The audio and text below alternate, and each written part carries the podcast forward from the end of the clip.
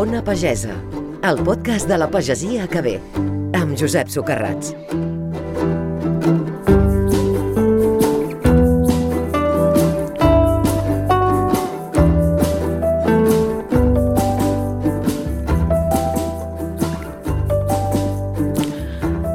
A mi m'agradaria que quan comprés una ampolla d'oli etiquetada simplement com a oli d'oliva, m'hi trobés això, un bon oli d'oliva.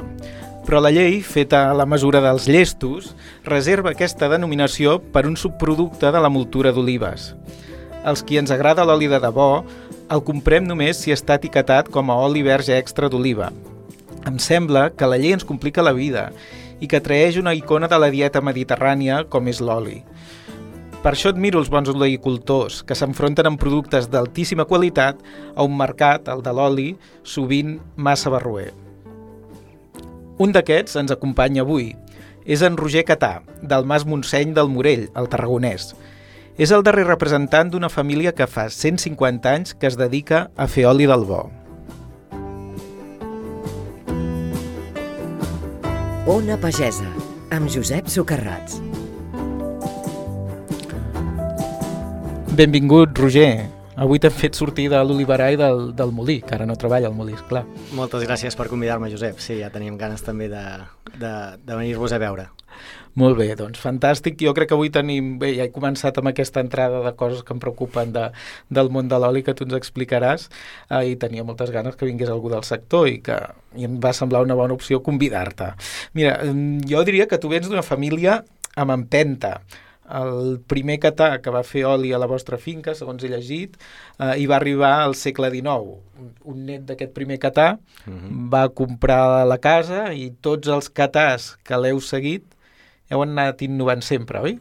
Anant picant pedra, cada nova generació ha portat el seu gra d'arena, no? per exemple, el, el besavi i l'avi van, van muntar el molí, que abans era zona de, de vi, i es va canviar l'any 40 a fer a fer oli, després el meu pare es va incorporar, va, va començar el projecte de, de, de préssecs de qualitat i va ampliar pues, tot el molí, mica en mica, pues, fins a dia d'avui amb, amb la meva incorporació fa uns anys i la, i la continuació d'anar modernitzant, no? D'aquest esperit, no? Exacte. Perquè tu sé que et vas formar com a enginyer agrícola, que t'hi vas incorporar aviat farà 10 anys, el 2012, mm. uh, l'empresa ha seguit sent familiar, uh, la teva aportació, o sigui, la, el que tu has aportat com a generació, última generació que treballa al, al molí i a, i, a, i, a, i a la finca, uh, què diries que ha sigut la teva, la teva aportació? La meva aportació principal ha estat eh, revolucionar una mica tot i, i actualitzar. No?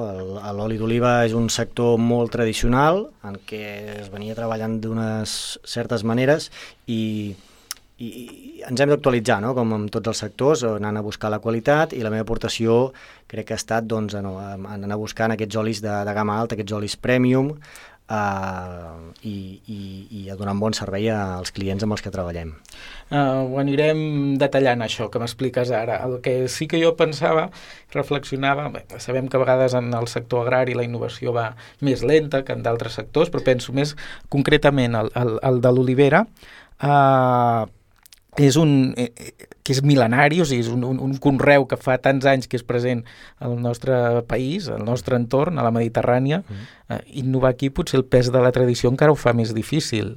Ho fa més difícil, però s'ha de buscar l'equilibri entre la tradició i la, i la modernització d'aquest sector. No? Eh, tot això acompanyat d'una bona comunicació de què estem fent, de com ho estem fent i de per què, per què ho estem fent. No? I bé, és la nostra manera de, de treballar. Uh, mira, uh, tu has explicat abans quina ha sigut la teva aportació a Mas Montseny, a, a, a la finca familiar, uh, que des del moment vas dir anem a apostar pels olis d'alta gamma, no? Uh, a Catalunya l'oli no és un, és un sector emblemàtic però no, no, no és fàcil perquè no sé, amb tots aquests problemes d'etiquetatge i de la llei de, que, que, que, que genera una certa confusió, no sé fins a quin punt estem preparats perquè hi hagi un mercat que consumeixi eh, oli d'oliva d'alta gamma, perquè es gasti, o sigui, perquè entengui el preu de, de, del bon oli. Uh, com ho vas analitzar tu? Com ho veus després d'anys de fer aquesta aposta que la mantens? Uh, com, en quin moment estem? Bé, una ampolla d'un oli de molta qualitat aquí a Catalunya pots trobar-la per una mitjana d'uns 12 euros, eh, 15 euros, 10 euros, eh, i quanta més qualitat aportis al teu plat, més qualitat aportaràs a, al teu cos i, i, i més gaudiràs no, d'aquest producte. Uh, I al final la diferència de preus no són tan grans, no són tan grans entre els olis de molta qualitat i els olis de molt baixa qualitat. La diferència és, és molt poqueta. El que on s'ha de treballar és en la comunicació, en explicar no, per què aquest oli, d'on ve, com s'ha treballat, el molí, quin tipus d'olives s'han fet servir, quina extracció s'ha fet, no? tota aquesta qualitat extra que, que portem a, al producte, doncs s'ha de comunicar, s'ha de comunicar i el que comentaves tu, no, en temes d'etiquetatge, el problema que pensem és la nomenclatura què és un oli d'oliva verge extra, què és un oli d'oliva verge, què és un oli d'oliva, no? Eh, aquesta nomenclatura és molt confusa pel consumidor, eh, es podria classificar amb estrelles, com els hotels, una forma molt fàcil i entenedora, no? de 1, 2, 3, 4, 5 estrelles, i ràpidament la gent no tindria per què ser entesos amb, amb, amb, amb, amb oli d'oliva, no? pues, d'una manera molt fàcil i entenedora es podria fer entendre. Uh -huh. uh, en aquests canvis que, que has uh, promogut tu per, per, per, per fer evolucionar la, la finca i el producte, um, suposo que ets tu qui va passar o qui va impulsar el pas al conreu ecològic, uh -huh. uh, de finques que potser ja la majoria existien, no sé si n'has plantat tu de, de, de, de camps d'oliveres, no sé si n'has plantat de, de nous, després també deus haver modernitzat la, la, la premsa i després hi ha tot el, tota la qüestió de comercialització que ja és a partir de que tens un bon producte a veure com el venem, no? Ha anat així més o menys? Hi ha algun canvi que et plantegis a, a, pel futur més o menys immediat? Sí, a Mas Montseny ens caracteritzem pel, principalment pel, pel molí d'oli i pel servei que fem a clients. No? Els clients, eh, la gent del territori pot venir al nostre molí i pot fer l'oli de les seves olives. Vale? Un petit productor que té una mica d'oli doncs vindrà a fer l'oli per casa. Després ja hi ha productors mitjans... És el treball per tercers. Treball per tercers, estem especialitzats en donar aquest servei.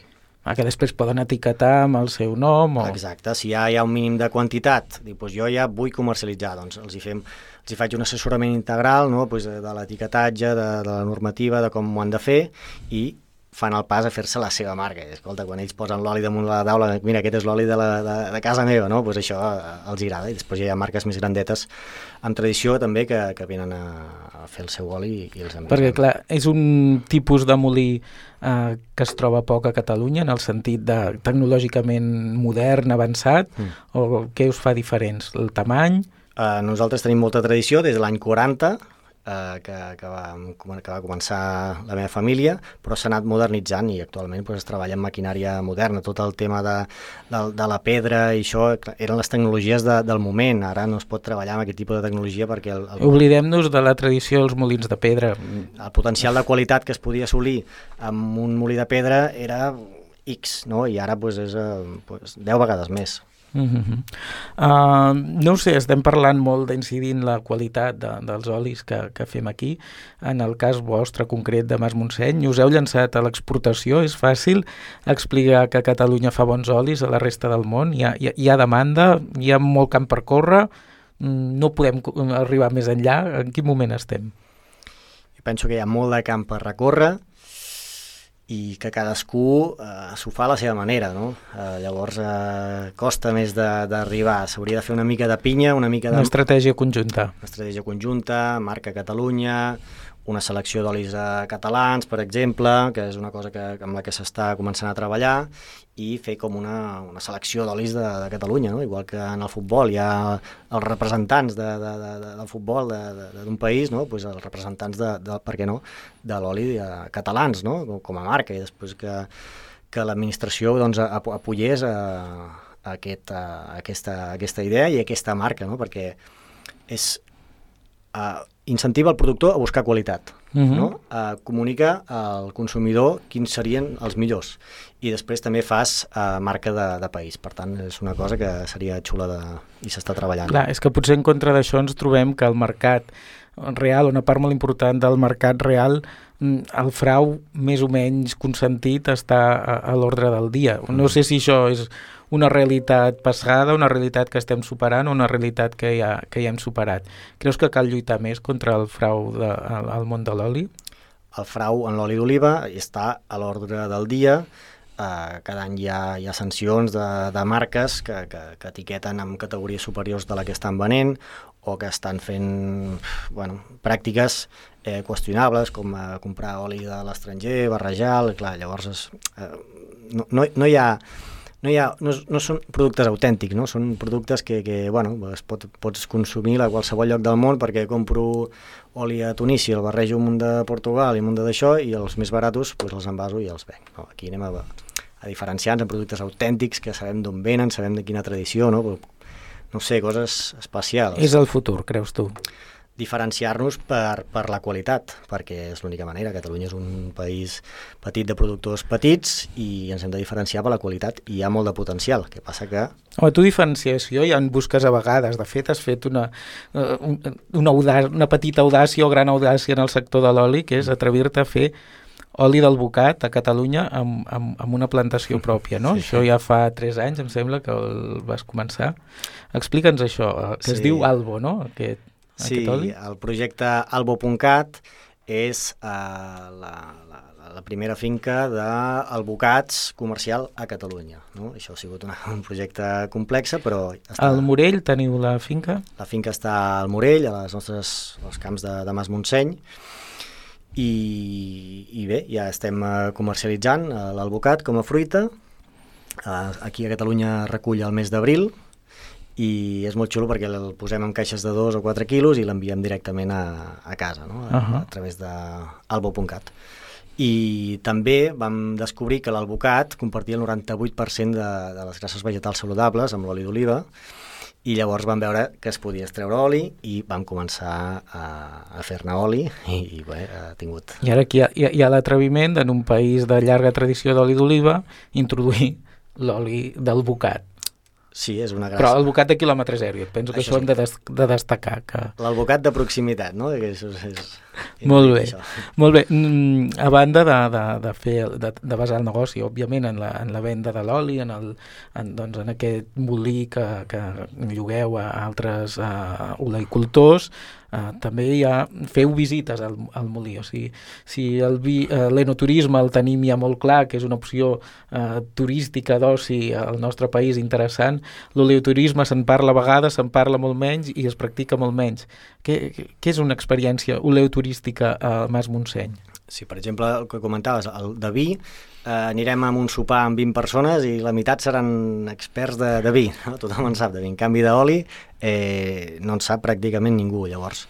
Eh, és una aposta per la que, per la que estem tirant eh, a promocionar eh, les visites i a donar a conèixer el món de l'oli, doncs des de fer una visita als camps d'oliveres, eh, des de fer un tas d'olis, que és tot un món, el tas d'olis, per exemple. Els olis tenen eh, molts més aromes secundaris que, que els vins. És tot un món de, de, de la cata, no? de, de l'experiència xula. No porta alcohol, això sí, però eh, té el seu rotllo també. Molt bé, escolta'm, uh, uh, i encara hi ha una altra cosa que no, no volia deixar de preguntar-te, perquè és que al web he, llegit que teniu alguns dels préssecs més deliciosos del, del sud d'Europa. És l'altre conreu que ens falta de, de la vostra explotació, no? Sí, diversifiquem una mica, fem... Bueno, que hi ha el projecte de l'advocat, el, el, el molí no? I, i els préssecs serien uh, els dos pilars forts, el molí i el préssec. Uh, estem tot l'estiu collint, és la campanya d'estiu. Ara aquí som a mitjan setembre, ja deveu haver acabat. Ja hem acabat, ja hem acabat, a l'agost hem tingut un temps per descansar.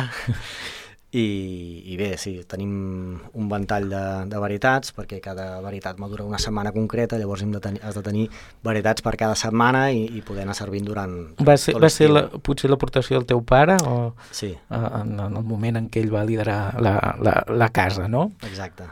Uh, escolta, no hem dit el nom dels vostres dels vostres olis? Hem dit l'albo.cat, que és el d'Albocat, però uh -huh.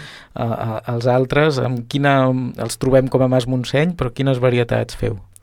Nosaltres produïm l'oli Mas Montseny, que és un verge extra, excel·lent per cada dia, per cuinar tot el que, el que tinguis a casa, i després fem, tinc, tenim aquestes tres uh, seleccions, una és l'oli Mare, L'oli Mare és un copatge de varietats catalanes, arbequina arbusana, és d'arbre jove, és un oli suau, dolç, fresquet, aromàtic, per tots els públics, agrada als nens, agrada molt als estrangers perquè és, té aquest toc suau i és, eh, si no has provat un verge extra eh, complexa, doncs és, és, té una entrada més, més amable. No? L'altra selecció és Padrí, que és una selecció molt, molt autèntica, que és, eh, és un homenatge a la gent gran del camp, i és una selecció dels olivers més centenaris de, del camp de Tarragona, que fem el seguiment durant l'any i collim el mateix dia. Aquell dia tanquem el molí i fem una ràpida entrada de les olives al molí, baixem la temperatura i fem una extracció una mica diferent per buscar més complexitat aromàtica, més equilibri, més, més, més, més potència. És un oli més canyero, més, més potent. Que interessant. I l'altre és el Mas Montseny Premium, que és selecció d'arbequina molt, molt, molt verda. Li dona un toc més amarg. Molt bé, saps que... Bueno, tu clar que ho saps. La gent que ens escolta potser no, però en qualsevol cas a Mercat Arrels podem trobar els vostres olis eh, i en algun lloc més. Sí, estem uh, distribuïts per tot el territori, en botigues, i des de fa ja un any a Mercat Arrels, i molt contents d'aquest projecte que apoyem des del principi a muerte. Bé, nosaltres uh, trobem en exemples com el vostre el tipus d'iniciatives i de productes i de qualitat que estem, que estem buscant. Uh, moltes gràcies, Roger. Avui, quan amaneixi l'enciam, ja tinc bastanta consciència del que costa fer un bon oli d'oliva però avui encara més després del que ens has explicat. Gràcies, Josep, a tot l'equip i a vosaltres. L'olivera, amb el blat i la vinya, forma part de l'essència més profunda de la nostra civilització, la mediterrània. Però cada civilització del planeta té unes icones alimentàries pròpies. A Mèxic hem descobert unes dones pageses que recuperen sabers ancestrals per ajudar-nos a viure més bé anem cap al país eh, maia a veure què ens expliquen.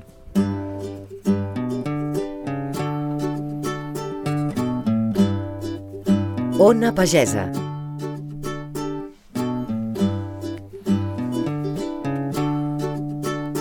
El mapa mundi rural.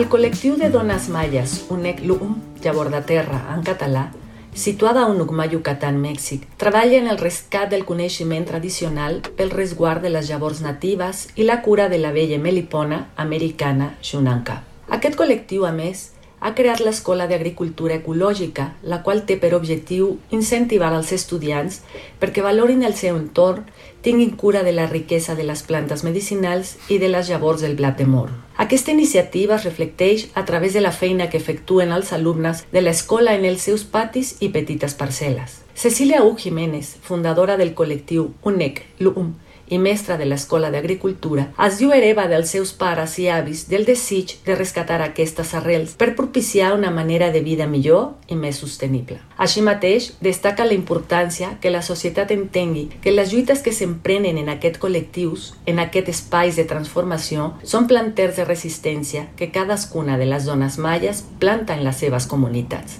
Davant de la crisi sanitària que el món travessa, les zones malles analitzen també l'impacte de la pandèmia i els aprenentatges que ha portat aquest moment històric en el seu caminar com cuidadores de les vides i els territoris. El col·lectiu UNEC LUM de Unugma Yucatán, sense cap dubte, visibilitza les accions que les zones rurals i indígenes realitzen al voltant de les cures per les vides en les seves comunitats en defensa de la terra, del territori i del medi ambient. Des de Mèxic us ha parlat Míriam Aimamí de Radio Amèrica Barcelona.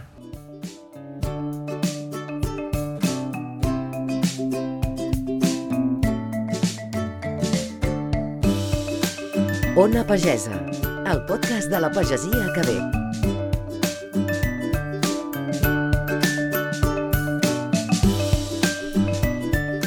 Bé, doncs moltes gràcies a la Míriam des de Mèxic, que ens ha parlat de blat de moro. Abans us hem parlat des d'aquí, des dels estudis de Ràdio Amèrica Barcelona, doncs de, de l'oli d'oliva i de les oliveres d'aquí mateix, del, del Tarragonès.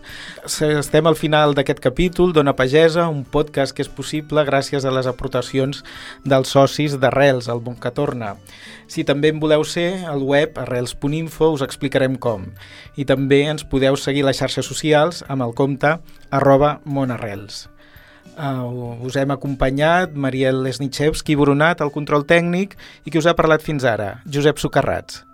Ens veiem, ens sentim, ens trobem la setmana que ve.